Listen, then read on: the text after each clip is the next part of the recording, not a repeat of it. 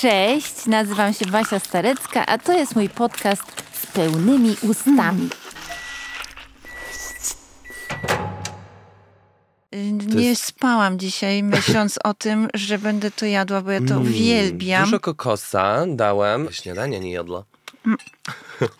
O, herbatnik odpowiednio namoczony, przymacerował się. Tak? A przesiąk cebulą w lodówce. Mmm, Dobre. och, jakie dobre. Tak? Och, tu jest tyle struktur, to jest tak skomplikowany deser. No, Co za paradoks. mówi, że to jest deser z restauracji Amaro. No bo to jest moment. Mmm. Mniam, mniam. Witam Państwa z pełnymi ustami w towarzystwie znakomitego gościa. Mm, O tobie mówię, zakleja trochę. a, którym jest Jacob Buczyński. Mnie nie trzeba nikomu przedstawiać, przecież wszyscy oglądają Basi Instagrama i widzą. że jestem twoją psychofanką. Jacob, czyli po prostu Kuba. Jakub. Ach nie, tak, jest różnica między Jakubem a Kubą. Rodzice Ura- nafcie dali mi Jakub. Uraziłam cię, niechcący. Nie. Ale muszę ci powiedzieć, że ja y, Jakuba i tak nazywam frędzlem. I to nie bez powodu, bo taksywka bierze się z y, prostej inspiracji jego działalnością twórczą. Kuba zasłynął y, kurtkami z frędzlami właśnie. Jest projektantem, ale bardzo interesującym, bo nie tworzy niczego od, od zarania dziejów, tylko przetwarza już y, istniejącą modę, istniejące ubrania w sposób bardzo twórczy. I przy okazji codziennie jem. Oj, bardzo dużo ja. Co Ej. Basię bardzo inspiruje i po prostu podziwia to. Ale inspirują mnie również twoje frędze, bo uwielbiam to, co robisz. Mhm. Puściłaś ostatnio nową kolekcję pełną różnych kolorowych materiałów. Nawet przymierzyłam parę kreacji. Byłaś pierwsza. Byłam pierwsza, nie we wszystko się zmieściłam, ponieważ ja również dużo jem. Nie no, jakby jak ty, ty przymierzyłaś, to ja zobaczyłem, że po prostu ta kolekcja ma sens. No bo za, założyła to po prostu taka piękna kobieta, wysoka, zgrabna, Z nóżką. e, z nóżką. I ja mówię, tak, tak, no bo wcześniej ja to przymierzę. To taka kloco chłopo baba. Zacząłeś tak pięknie mówić o tym, Serniczku? o tym serniczku, bo my jemy dzisiaj wyjątkowy deser.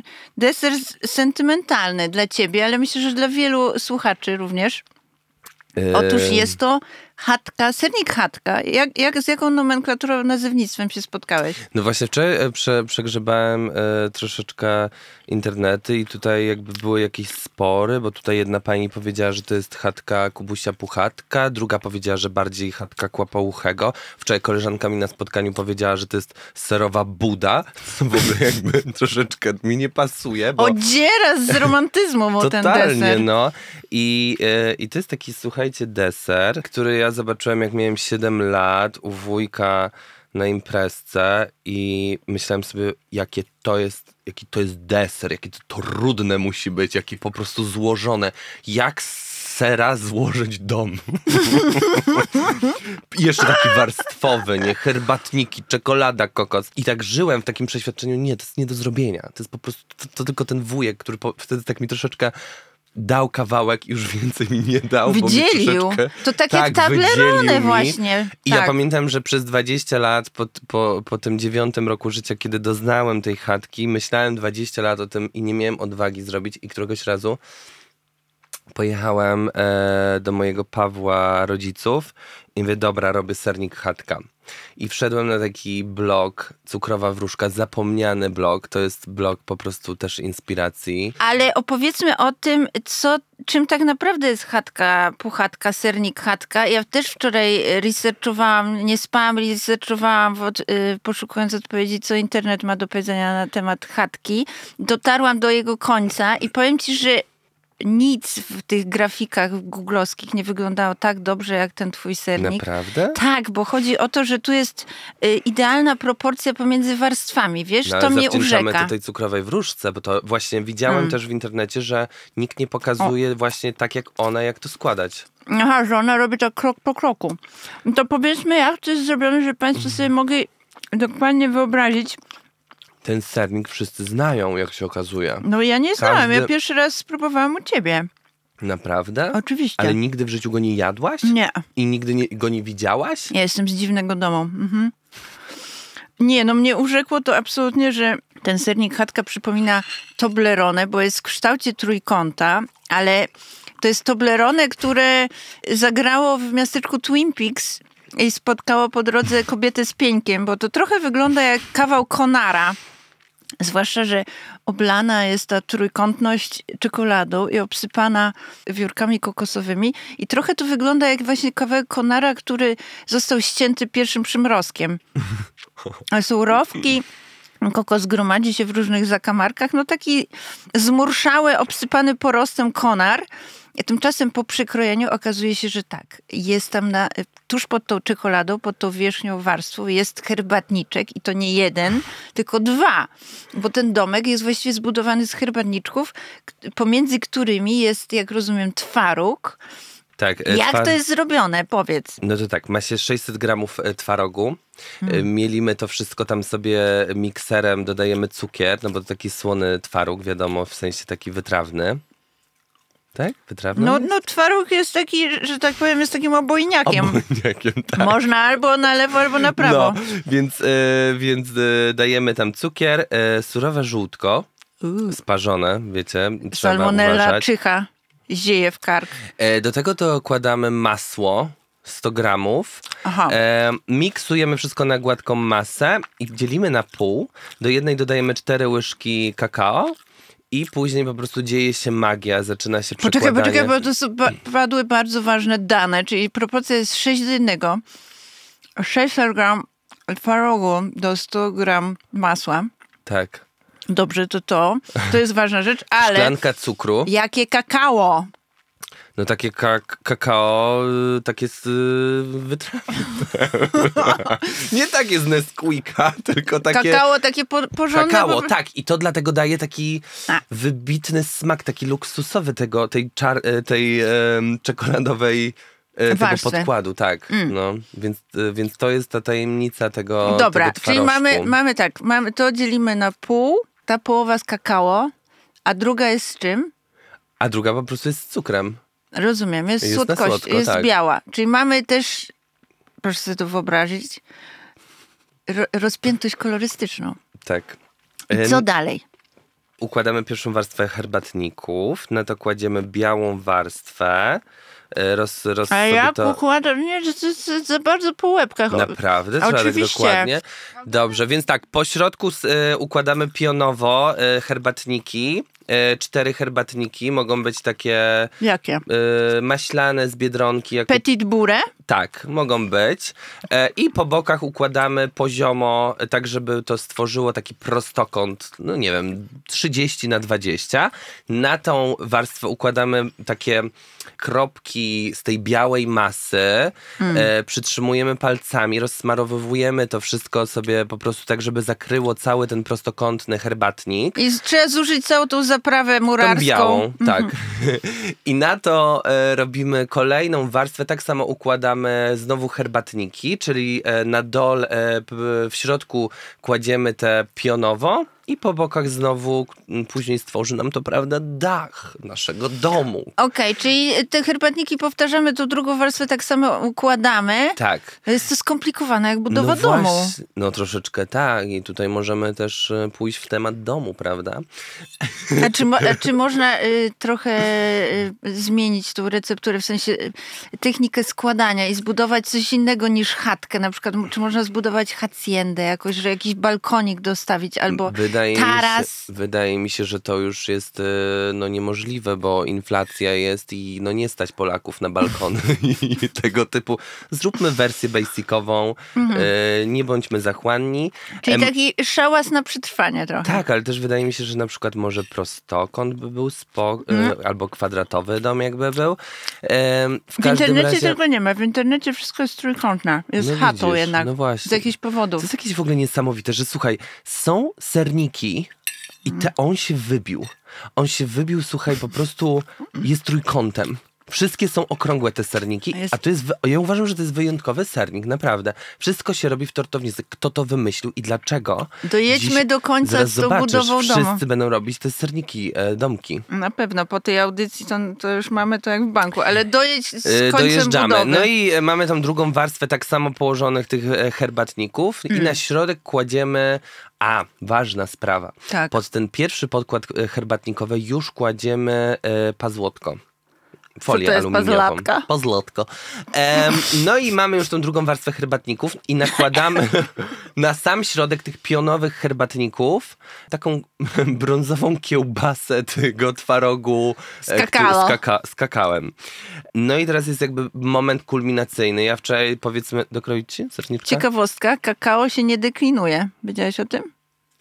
A, no to, a ja deklinuję, cokolwiek to znaczy. Ale ja też, powiem ci, z przyjemnością popełniam ten błąd językowy i odmieniam kakao. Ale- Kaka ale z kochana, kakałem. To są neologizmy, pozwalajmy sobie To na są familekty też, czyli języki i rodzinne. synonimy. No dobra.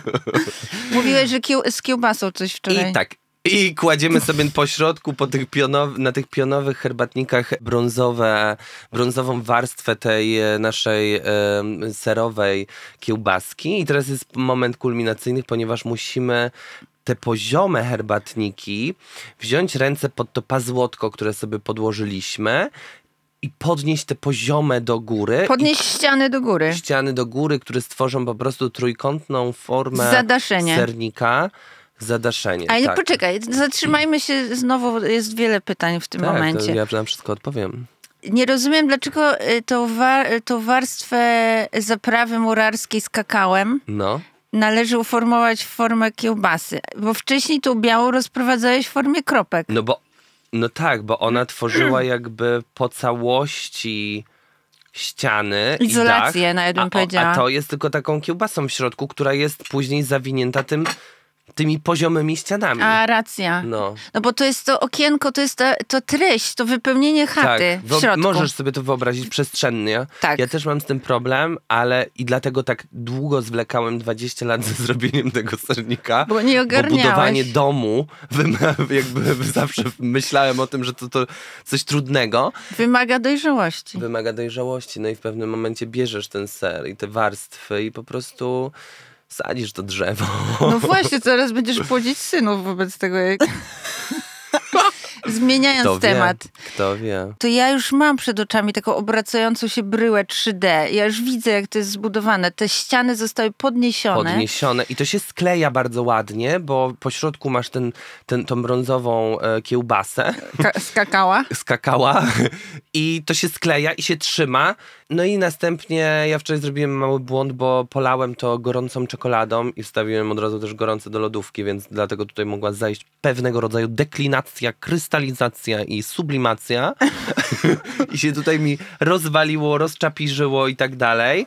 Więc, Nie no, on e, trzyma formę, ale y, pewnie chodzi o to, że te herbatniki szybciej się Coś namoczyły. tak, coś dach mi się właśnie tutaj w tym moim domu. Ale Zapadł. może to była po prostu presja. Wczoraj jeszcze e, wiele innych rzeczy ogarniałem wieczorem. Uważam, że wyszedł cudownie. Ym, A jak ty go jesz? Ty właśnie y, kroisz na takie plastry, jak Tablerone się od, odrywało? Czy zdarza ci się na przykład ten pień szarpać y, palcyma albo jeść łyżką? Czy Powiem zawsze jednak elegancko? Szczerze, że no, e, jak się okazało, ten, ten sernik jest taki, że można go bardzo łatwo kroić on się nie rozpada, więc totalnie zachowuję elegancję przy tym i, i staram się, żeby to wszystko jakoś tak wyglądało e, ładnie i rozsądnie, więc, więc tak, więc kroję go na paski, ale co ważne, później się jeszcze robi polewę. Ja zrobiłem wczoraj akurat z gorzko mlecznej czekolady, rozpuściłem w garnuszku, dolałem mleka i polałem ten cały dach, żeby zrobić taką jakby obudowę, tynk, prawda, elewację.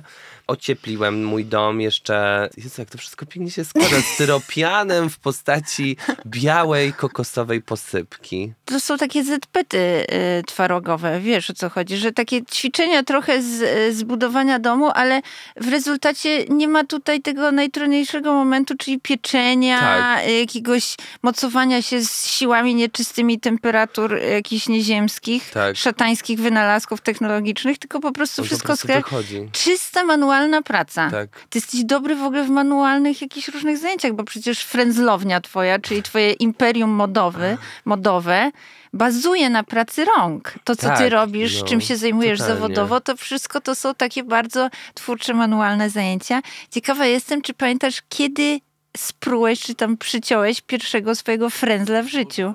Jasne, że tak, pamiętam. Wiesz co, siedziałem na, na lekcjach szycia, e, jeszcze wtedy studiowałem na WF-ie. E, Tak, gdzie wtedy- lekcje szycia na AWF-ie? chodziłem po, po AWF-ie, chodziłem na lekcje szycia e, i chodziłem do takiej pani Katarzyny i e, chciałem wygrać konkurs na bycie korespondentem na festiwalu, e, bycie korespondentem e, magazynu L i trzeba było wymyśleć stylizację. I ja mówię, Boże, co ja co, co zrobię, bo ja chciałem jechać na festiwal, to było jakieś 6 lat temu, no i mówię, dobra, to doczepię sobie skrzydła, bo tak wtedy właśnie tych skrzydeł potrzebowałem, nie?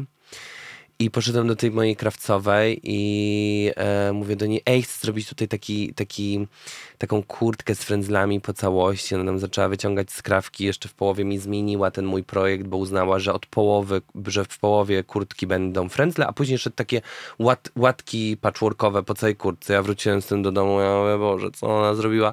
Odczepiłem te łatki, zrobiłem po całości te frędzle, wyszedłem na miasto, konkursu nie wygrałem. No ale mm, już za rok później e, us, e, postanowiłem, że wydam moje ostatnie pieniądze. em, 200 zł zainwestowałem w moje tutaj kurteczki. E, kupiłem 10 kurtek i zrobiłem frędzlowe. L wtedy nie doceniło. Mam nadzieję, że się zreflektowało po jakimś czasie. Natomiast Frenzle docenił już cały świat, bo twoje kurtki, te piękne kurtki z taką girlandą frędzli, która się ciągnie od rękawa przez całe ramię aż do pleców. Są takie modele, tam Tak. miksujesz te oczywiście te No. wzory, ale to jest to najbardziej charakterystyczne. Dotarły do słynnego, między innymi, bo do wielu osób na świecie, ale do słynnego olimpijczyka Toma Daleja. Tak, e, jego męża Dustina, e, który jest e, laureatem scenariusz do filmu Obywatel Milk, laureatem Oscara. I oni mają synka razem, mieszkają w Londynie i któregoś razu postanowiłem napisać do niego na taki profil. On robił, jeszcze przed olimpiadą, robił na drutach. No właśnie, to śledzi- kolega również uzdolniony manualnie. Tak, i on właśnie też e, mówił, że to go jakby odstresowuje w trakcie przygotowań, to mu daje taką wolność w głowie, zajęcie e, rąk. I rzeczywiście ja do niego napisałem na tym profil, gdzie on tam robił e, Made with Love by Tom Daly. I ja napisałem do niego, tam go śledziło chyba 50 tysięcy osób. E, Teraz ten profil śledzi chyba 2 miliony ludzi po olimpiadzie ostatniej. E, ja do niego tam napisałem, on się totalnie tym zajarał, wysłałem e, im trzy kurtki, no i kompletnie jakby, no powiedzmy, że o tym trochę zapomniałem, chociaż tam troszeczkę do niego pisałem, czy, czy założył, czy się spodobało i okazało się, że bardzo spodobały się te kurtki jego synowi. No i założyli sobie te, te kurteczki i, i to akurat się złożyło z tym, jak on wygrał złoto na olimpiadzie. No i to był taki moment bardzo... O tych e, twoich frędzlach wtedy pisali wszyscy. tak, nawet w BBC były. no. Tak jak jesteś mistrzem transformacji frędzla, korzystania z materiałów, e, które już istnieją, to ym, również potrafisz transformować y, nabiał, jak widzimy. Jesteś ekspertem od transformacji y, twarogu. Ja w ogóle myślę, że my jesteśmy po prostu zdolni jako ludzie do transformacji na każdej płaszczyźnie. Ale te, to, ta zdolność ma też swój angielski znowu termin. Mhm. Ostatnio mi to tłumaczyłeś i ja tego nie powtórzę, więc bym cię chciała Ja ci to poprosić. tłumaczyłem? Tak, chciałabym cię poprosić, żebyś wytłumaczył, na czym polega twoja upcyclingowa Ach, moda. Okej. Co to jest ten upcycling? Bo nie dość, że Jacob to już upcycling, strasznie dużo tej angielszczyzny w twoim życiu. Mhm. Wytłumacz to Jacob to wszystko. wyszło tak po prostu jako takie, no już tak biznesowo, no bo Jacob tak troszeczkę lepiej No do niż... olimpijczyka bardziej Jacob trafi niż frędzel. No, dokładnie. Upcycling to jest przetwarzanie e, surowców wtórnych, czyli mamy rzecz, która była już używana, została wyprodukowana i została porzucona. Ja ją biorę sobie w drugi obieg, daję jej e, drugie życie przerabiasz na różne wspaniałe kreacje. I ta nowa kolekcja to nie są już tylko kurtki, od których zacząłeś, tylko całe luki. Tak, buty no, również. Tak, buty, wszystko. Jakby to, to trochę też taka niesamowita droga, że, że w sumie z tych kurtek, które robiłem e, na stole u moich rodziców e, w salonie, nawijałem igłą te, te listwy frędzlowe, żeby później dać to do krawcowej. Wyszło, wyszło coś takiego, jakaś taka totalnie większa wizja. E, do tej pory w sumie jakby ciężko przyjąć mi to, że, że, że, że na tyle się temu poświęciłem i że, że tak e, ta kolekcja powstała i że spełniłem swoje marzenie i że rzeczywiście każdy ten produkt z drugiego obiegu naprawdę można przetworzyć i przerobić. I że w tych ubraniach, które jeszcze kilka lat temu wydawały mi się czymś takim materialnym, takim próżnym, naprawdę odnalazłem filozofię życia, bo to, jak traktuję dzisiaj z szacunkiem te dobra materialne, naprawdę przekłada się na wiele aspektów e, mojego życia i myślę, że ta kolekcja pokazuje taką wartość właśnie tego, że no możemy i w sumie, no ja to wiem, że musimy po prostu przetwarzać te surowce i jest to konieczne, bo jesteśmy po prostu zalani tym nadmiarem, tym nadmiarem, nad produkcją masową. Wspomniałeś o stole u rodziców, y, na którym kroiłeś pierwsze kurtki, no. pierwsze frędzle. I tak sobie wyobrażam, że ten stół u rodziców właśnie może być różną figurą. Dla mhm. niektórych stół rodziców jest jakimś miejscem opresji mhm. i mało przyjaznym. Y, na pewno y, nie dla wszystkich jest taką przestrzenią wolności, eksploracji. Ty miałeś taką okazję, jak rozumiem. Z czym ci się kojarzy właśnie ta figura stół rodziców? Ja całe życie wychowałem się w domu, w którym mieliśmy okrągły stół z wielką dookoła ławą. Codziennie jedliśmy przy tym stole. No właśnie, chciałam o to dopytać. Skoro stał w centralnym e, miejscu domu, no to jedzenie musiało być w tym domu ważne. Kto gotował? Wiesz co, głównie, głównie e, moja mama, bo e, moja mama prowadziła dom. Moja mama jest piekarką od wielu, wielu lat uczy się piec chleby, ale ona po prostu no, gotuje, gotuje niesamowicie i na pewno będzie e, słuchać ten podcast, bo ciebie uwielbia od lat. E, Walecką uwielbia od lat, więc... E, pozdrawiamy mamę. Pozdrawiamy. Frędzna. To, to, to jest kurczę o, okrągły stół, na którym codziennie znajdują się inne potrawy. Codziennie rano siadamy do śniadania, bo ja trenowałem wyczynowo pływanie, więc budziliśmy się wszyscy razem moja mama, mój tata, moja siostra i rano o godzinie 5.20 na przykład jedliśmy sobie kanapkę e, z miodem i herbatą, e, żeby przed treningiem zdążyć coś zjeść. No to miałeś na... wspaniałe wsparcie, skoro cała rodzina tak kibicowała tak, totalnie. w tej drodze Oni sportowej. po prostu wszyscy od rana już, no moja siostra też trenowała, więc mój tata jechał na szóstą do pracy, więc wszystkich rozwoził. Moja mama robiła nam herbatę, później wracaliśmy do domu o godzinie tam 15 czy 17 po następnym treningu czekał obiad i codziennie to było coś innego. Codziennie y, mama nam e, gotowała. To ja poproszę nóż. Bo przyniosłam coś, ty przyniosłeś konar swój z, twa z twarogiem, a ja przyniosłam produkt bazowy. Twaróg? To jest twaróg, który smakuje mi najbardziej. Jestem, e, no nie jestem może taką koneserką twarogu jak ty, no. ale czasami próbuję. Mam tak, że wyrzuty sumienia, bo jednak jest to dosyć upiorne, jak sobie pomyślisz, skąd się bierze w ogóle twaróg i skąd się bierze mleko i że no. człowiek jest po prostu jest jakimś najbardziej zwyrodniałym zwierzęciem e, na tej planecie. Można z tego rezygnować. Ja nie potrafię i od czasu do czasu jem ten twaróg i różne formy nabiału, ale to, co mam teraz w rękach, to jest twaróg wyprodukowany przez przedsiębiorstwo produkcyjno-handlowe Skup i Przetwórstwo Mleka. Tornado 2. I to jest twaróg, który można dostać tylko w paru miejscach w Warszawie. Ja go nabywam e, w kawiarni być może Nie. No i bardzo chciałabym, żebyś go spróbował, bo uważam, że on jest wyjątkowy. Ja najpierw sobie No tak, Pozwolisz, bo tu też trzeba powiedzieć, kawałek? że na ten podcast na pocz- początkowo mia- miałem zrobić kluski leniwe. Mm, no jest wybitny. E, pokaż, może będę go stosował do... do... Chciałabym, żebyś ocenił jego potencjał, Ja czy go on, się, wymieszam z chatką. czy on się nadaje na chatkę, czy on się nadaje na właśnie na kluski leniwe. Mhm. Smakuje, Ja muszę powąchać najpierw. Smakuje bardzo tłustym twarogiem. Właśnie Piotrek twój ostatnio mi mówił, że taki twaróg najlepiej zostawić na trochę w lodówce i jak on się zrobi taki troszeczkę pleśniowy. Zgliwiałe. Tak, to jest jeszcze lepsze. Tak, to Wielkopolska się w tym specjalizuje, że fermentuje taki stary ser. Mhm. Ale jak oceniasz strukturę? Bo on jest y, w formie czymś pomiędzy masłem a lodami. Jest bardzo gładki, bardzo jedwabisty. Nie ma grudek, on jest totalnie gładki. Jest, można go jeść łyżką właśnie jak lody. I powiem ci, że w tej Trochę strukturze... mascarpone? Trochę tak. I w tej strukturze przypomina mi ser kajmak. Okej. Czy ty się kiedyś spotkałeś z kajmakiem? Czy kajmak ci się kojarzy tylko z, Karm- no.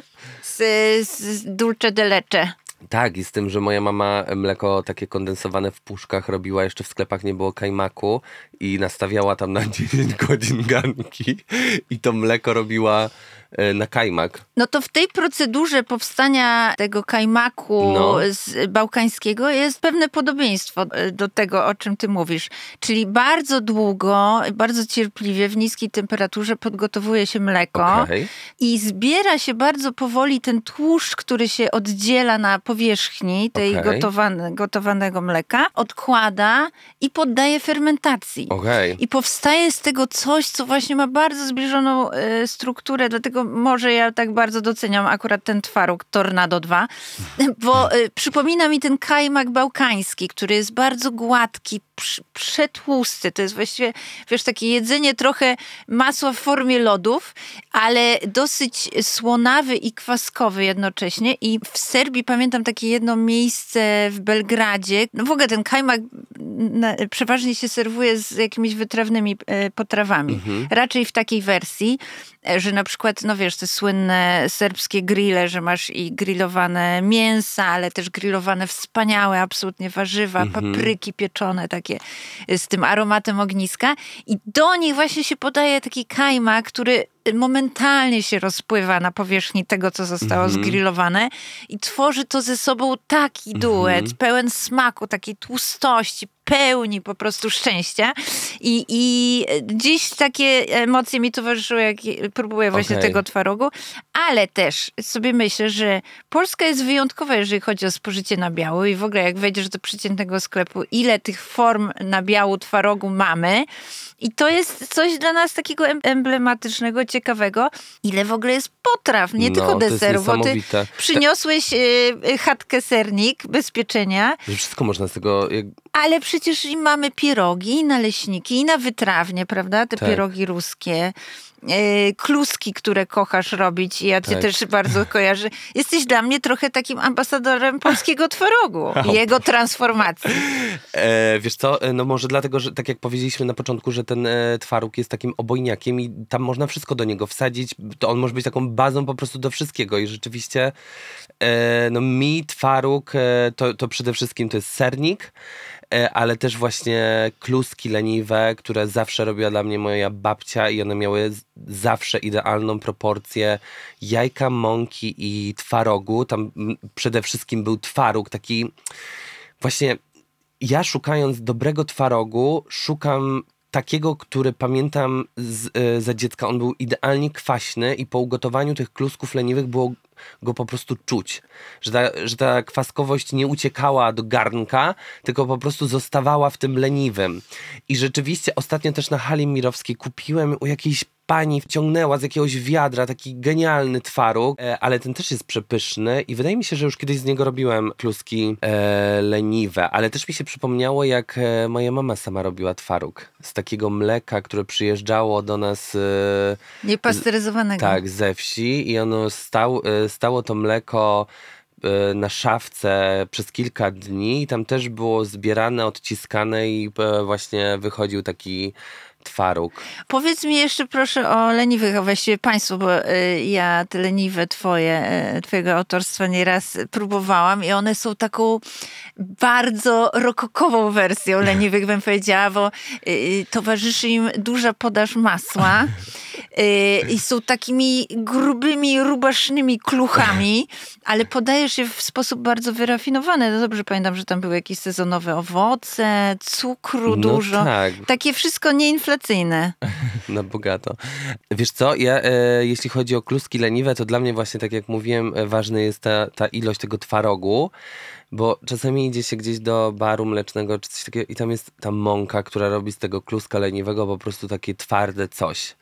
A długo, ja, ja kocham kluski leniwe, które po wyciągnięciu one do, dosłownie się rozpadają, wrzucam je na patelnię, gdzie już jest podsmażona bułka tarta z masłem, one tam wyparowywuje z nich ta ostatnia woda i robi się taki kleik masłowo-bułkowo Skrobiowy, serowy. serowy, tak. I na to e, brązowy cukier, cynamon, e, jagody, śmietana kwaśna. I Tak, jeszcze zamykam ta to jeszcze tą patelnię przykrywką, żeby to wszystko się tak Storgło. skisiło. Storgło tak ono I lubię tak to jeść prosto z patelni, z tą A. taką lekko jeszcze przypaloną bułką tartą. Tak, przypominam sobie, że rzeczywiście tu podałeś na patelnię i Tak. patelnia wylądowała na stole. To jest po prostu genialny deser. Naprawdę, kurde, kluski leniwe, tak dobrze zrobione. Zgadzam się. Kurczę, gotowanie jest na maksa sztuką i kreatywnością i tym, żeby się właśnie nie bać. No jak siedziałeś przy tym stole, będąc małym Jakubem, No. to o, o jaką potrawę pytałeś? Co było twoim największym smakołykiem w dzieciństwie? Jak się urodziłem, to już ważyłem 5 kilo i miałem 60 centymetrów. Jak babcia mnie zobaczyła, to powiedziała, że nie chce takiego grubego wnuka. E, więc ja chyba nigdy nie miałem problemów z jedzeniem. Poza tym, wiesz, no dużo trenowałem, więc też dużo raczej jadłem. Lubiłem kuchnię mojej babci. Bo, bo to takie, wiesz, no lubię jedzenie z miłością i uważam, że e, to jest takie najważniejsze w jedzeniu, że nie takie mechaniczne po prostu wyrabianie czegoś, tylko rzeczywiście karmimy kogoś jakąś nie tylko jedzeniem, ale jakąś taką częścią nas, nie? że coś do tego jedzenia dodajemy i myślę, że to jest e, moje ulubione danie, jak ktoś coś robi po prostu z Od miłością. serca. Od serca, no. A jak przyjechałeś do Warszawy, yy, wstałeś od stołu tego rodzinnego, spakowałeś się i przyjechałeś tutaj, pod, żeby podbić stolicę, no. to jakie emocje ci towarzyszyły i jaka kuchnia w związku z tym? Taka bardzo szybka. Ja wtedy studiowałem dziennie na AWF-ie i na cały etat pracowałem na siłowni. Więc e, ja tęskniłem bardzo za kuchnią mojej mamy i za tym takim slow procesem, za pieczeniem serników, za robieniem chleba, e, za zapachami. No i wbiłem się w ten taki tryb po prostu takiego mm, człowieka, co to no, walczy trochę o przetrwanie i zjadałem wszystko, co było po prostu w lodówce. Y, Do tego jeszcze biegałem maratony, więc miałem jakieś ży- życie pudełkowo śmakie. Aha, bo jak myślę o siłowni, to od razu widzę kurczaka z ryżem albo tuńczyk Tak. z ryżem. A jeszcze byłem wtedy na takim etapie, że mm, bo jak przyjechałem, to kompletnie, no wiesz, zająłem się studiowaniem AWF-u i byciem na młocinach na siłowni, więc ja do centrum kompletnie nie zajeżdżałem. Uważałem wtedy, że na przykład ym, restauracja Charlotte to nie jest dla mnie, że ja tam się kompletnie nie, nie odnajdę i przez trzy lata y, mojego życia w, wstydziłem się pójść do Charlotte. O nie! Siedziałem Ale tam co na cię tych... tak onieśmielało, że tam jest no, jakaś że to nie jest Francja dla w mnie tle? świat. Że on fifon? to durne, nie? Strasznie. Tak. No nie wiem, może dlatego, że... Za dużo na tej siłowni może siedziałeś, dlatego. Może tak. Ale dlaczego w ogóle przyjechałeś do Warszawy? Bo znałem tylko sport, chociaż właśnie te manualne rzeczy, bo mój tata też jest rzeźbiarzem, tkwiły gdzieś we mnie. Moja babcia była krawcową, więc pojechałem na AWF, a w głowie miałem takie uwolnij się, doszyj sobie te skrzydła i myślę, że ta Warszawa była takim... Obietnicą, że się coś wydarzy i Tak. się odkryjesz. Tak, i rzeczywiście ta obietnica została spełniona. Chociaż pamiętam, jak wyjeżdżałem do Warszawy, a sąsiadka z, z naprzeciwka powiedziała mi: Takich jak ty, to jest tam milion. Taka słynna polska bezinteresowna życzliwość, złośliwość. Tak. No, także Warszawa dla mnie była na pewno e, marzeniem i ja od zawsze wiedziałem, że ja e, przyjadę do Warszawy. Patrzę Tutaj. na ten twaróg jeszcze, który przyniosłam i sobie przypomniałam, że ja najbardziej lubię go jeść na słodko. Aha. To jest taki wer- szybka wersja deseru, no, jeszcze szybsza od tego, co ty przyniosłeś od konaru swojego, od, No. od budy z serem. Czyli ten twaróg zalewam miodem, Aha. ale też oliwą. Mm. Sypię jakieś orzeszki, bakalie, jakieś jedzenie dla papuch, tam wiesz, coś, Mhm. płatki kwiatów. I to jest taki po prostu szybki grzeszek, wiesz, że jak masz ochotę na coś słodkiego, to... Słodkiego, no. Czy ty podjadasz? Ja ciągle jem. No bo kurczę, jedzenie daje nam jakąś przyjemność Mm, i ogromną. ja uwielbiam e, kolacje, spotkania, restauracje, przekąski. Masz dwa profile na Instagramie. Jeden Tak. jest oficjalny, modowy, frędzlowy. I tam Tak. można oglądać wszystko to, co wyczyniasz już z wyprodukowaną odzieżą y, w sposób kreatywny. A drugi jest prywatny. Prywatny, tak. I jak on się nazywa? Chipikao 2002. Skąd ta nazwa? E, wiesz co, kiedyś e, były takie batoniki Seven Days i one chyba wypuściły taką serię troszeczkę z młodzieńczym lookiem i to był taki ludzik Chipikao, który był rogalikiem z nadzieniem czekoladowym i ja te rogaliki sobie kupowałem e, jako dziecko w sklepiku szkolnym w, po, wiesz, treningu pływackim. To był taki szybki zastrzyk węglowodanów, po którym się szło spać na lekcjach. I słuchaj, ostatnio, to było rok temu chyba, wracałem, nie, w styczniu w tym roku, wracałem z basenu i wszedłem do Carrefoura. Ja patrzę, a tam stoisko, z, e, regał z napisem Chipikao, z rogalikami moimi z dzieciństwa. Zrobiłem sobie z nimi zdjęcie. Wstawiłem na mój prywatny profil i z Jacob Buczyński Priv przebrandingowałem mój prywatny profil na Chipikao 2002 i e, z miłości do rogalika z nadzieniem. Ale y, czy to są rogaliki w stylu lagunów? Co, jaką formę ma ten rogalik? To jest lagun. Lagun to jest taka spolszczona wersja e, croissanta, który pomieszkuje na drzewach i niektórzy reagują na jego widok em, stresem i zdenerwowaniem i dzwonią na policję i straż pożarną. To jest taki croissant, troszeczkę taki bardzo chemiczny, taki, co może przetrwać dwa lata w tym papierku i nadal jest zjadliwy, miękki Mm. i puszysty. Em, więc ym, Czy pikao? czy pikao Mus, przyniosę ci. muszę, no muszę poczytać Jest o też tym jeszcze wersja więcej. z adwokatem. O, E, a lubię z, słodycze z alkoholem, jak Państwo Tak. już wiedzą. Ale czy, no, chciałam e, Cię podpytać właśnie o ten profil Chipikao, już Mhm. odkodowany z nazwy, bo często na nim pojawia się zaskoczenie jedzenie, mhm, o wiele częściej niż moda. mhm. Właściwie masz dwa profile, jeden poświęcony modzie, a drugi jedzeniu. I na Chipikao y, to jedzenie pojawia się w twoich ustach. W sensie rzeczywiście to jest profil z pełnymi ustami. Tak. Ty bardzo często pokazujesz, jak jesz i wiem, że budzi to skrajne reakcje twoich obserwatorów. Mhm. E, tak, ostatnio byłem e, w Rzymie i e, po prostu jadłem A codziennie. co się robi w Rzymie, no? Ale kurde, naprawdę, no, y, to znaczy nie mam zamiaru się tutaj usprawiedliwiać, że też przy okazji chodziłem tam i spalałem te kalorie, ale rzeczywiście jak jadę gdzieś na wakacje, no to jem to, co tam jest lokalne, pyszne, zajebiste, z tych wszystkich kawiarenek, takie nieoszukane, prawdziwe, właśnie z miłością, z pasją i, i tradycją. I w tym Rzymie, no postanowiłem, że po prostu będę nagrywał wszystko, co wsadzam do buzi. E, I rzeczywiście nakręciłem takiego reelsa, gdzie po prostu co sekundę jest zmiana tego, co e, wchodzi mi do buzi.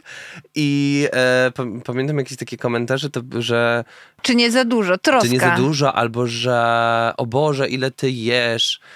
Ja nie uważam w ogóle, że to było dużo. To było bardzo, jakby w tym momencie mojego życia potrzebowałem tego jedzenia. Nacieszyć się nim. Tak, właśnie cieszyć się, nie? Kurde, to jedzenie dawało mi taką radość. Zresztą ty wiesz, jak to jest się cieszyć jedzeniem. Oj, bardzo dobrze. No, Tak, i dlatego No. jest mi to bliskie, dlatego jestem y, jedną z pierwszych obserwujących ten profil, bo, No. bo czerpię również radość z patrzenia, Tak, e, jak bo jesz. bajaderki, jakieś tu, tam, siam. Wszystko jest pyszne. No. Ale w tej roz, rozmowie towarzyszy mi jakiś dziwny zapaszek. Nie wiem, co ty tam masz jeszcze w tej torbie, ale cały czas oprócz woni twarogu i kokosu, y, gdzieś tu krąży jakiś taki podejrzany aromat niepokojący. Tak. I czuję, że, że, że to nie jest wszystko, co dzisiaj Tak, przyniosłeś ja ze sobą. Zrobiłem ten sernik po latach y, z taką myślą, że odtworzę ten dziecięcy smak i rzeczywiście on się udał. To ja zapamiętałem z dzieciństwa taki smak syropu cebulowego. I to był, e, okej, to był syrop od święta, wtedy kiedy e, chorowaliśmy. Moja mama ustawiała ten syrop e, cebulowy sobie e, po prostu w, w kuchni. On stał i on się tam tworzył przez kilka dni. I później tak łyżeczką się naciskało i ten syropik taki po prostu był na kaszel, na gardło, na wszystko. I ja go postanowiłem dzisiaj tutaj zrobić, bo on jest słodki. Czyli to E, jest smakołek jakiś? no właśnie, nie do końca, ale uznałem, że skoro tęsknię, w jakimś sensie tęskniłem za tym smakiem tego sernika, to ten smak jakoś tak mi się po prostu przy okazji przypomniał i uznałem, że spróbujemy go. To ja, ja bym chciała spróbować tego syropu z cebuli. Znowu to jest rzecz, której nie znam. Nigdy nie, nie, nie próbowałam. Znam z opowieści znajomych właśnie jako y, opowieści o różnych dziwnych rzeczach, które się jadało w dzieciństwie. Że to jest I raczej w formie takiego y, regenerującego rosołu, prawda? Że to babki, matki wierzyły, że to jest coś, co stawia na nogi. Kuba właśnie wyjął słoik, ale tam w środku jest surowa cebula. Ja sobie wyobrażałam, że to już jest jakieś takie Nie. zemulgowane, wiesz, że to jest taki Nie. syrop jakiś gęsty, zredukowany, a tam jest po prostu, to wygląda jak y, okrasa do śledzia na święta. Nie no właśnie i tak się zastanawiam, czy, bo ja się boję to otworzyć, bo to ze słoika czuć. Poszedł wek do góry. Dziwny ten... Dziwny jest ten Jakie aromat. to mocne jest. Jak ja mam tego spróbować? Musisz się tak napić, siorbnąć A troszeczkę. siorbnąć ze słoja Tak. po prostu. Tak. O mój Boże, nie! Ja mam zupełnie inne skojarzenia. Widzisz, ja tu czuję najlepsze imprezy śledziowe w moim życiu. Dla mnie ten, ten aromat ma takie, budzi takie skojarzenia. Wszystkie wspaniałe śledzie, które organizowałam w różnych swoich mieszkaniach i podawałam a to śledzika po japońsku, czyli z sałatką narodową jarzynową, a to właśnie ze śmietaną i z taką cebulką. Ale ja tu nie widzę za bardzo płynu, y, którego mogłabym spróbować, Bo, bo, to, się tak, wiesz co, bierze na łyżkę, nie mamy łyżeczki, ale... siorbnę ze słoja. Siorbnij, Ale no, ty- tylko czy- bez tej cebuli, nie? Tylko ten soczek z siorbnij, ja też sobie wezmę troszeczkę. Rozumiem, że tu jest dużo witaminy jakiejś. Chyba tak, cebulowej, no. Cebulowa witamina. Dobra, biorę łyka. Proszę Państwa, wszystko dla Was.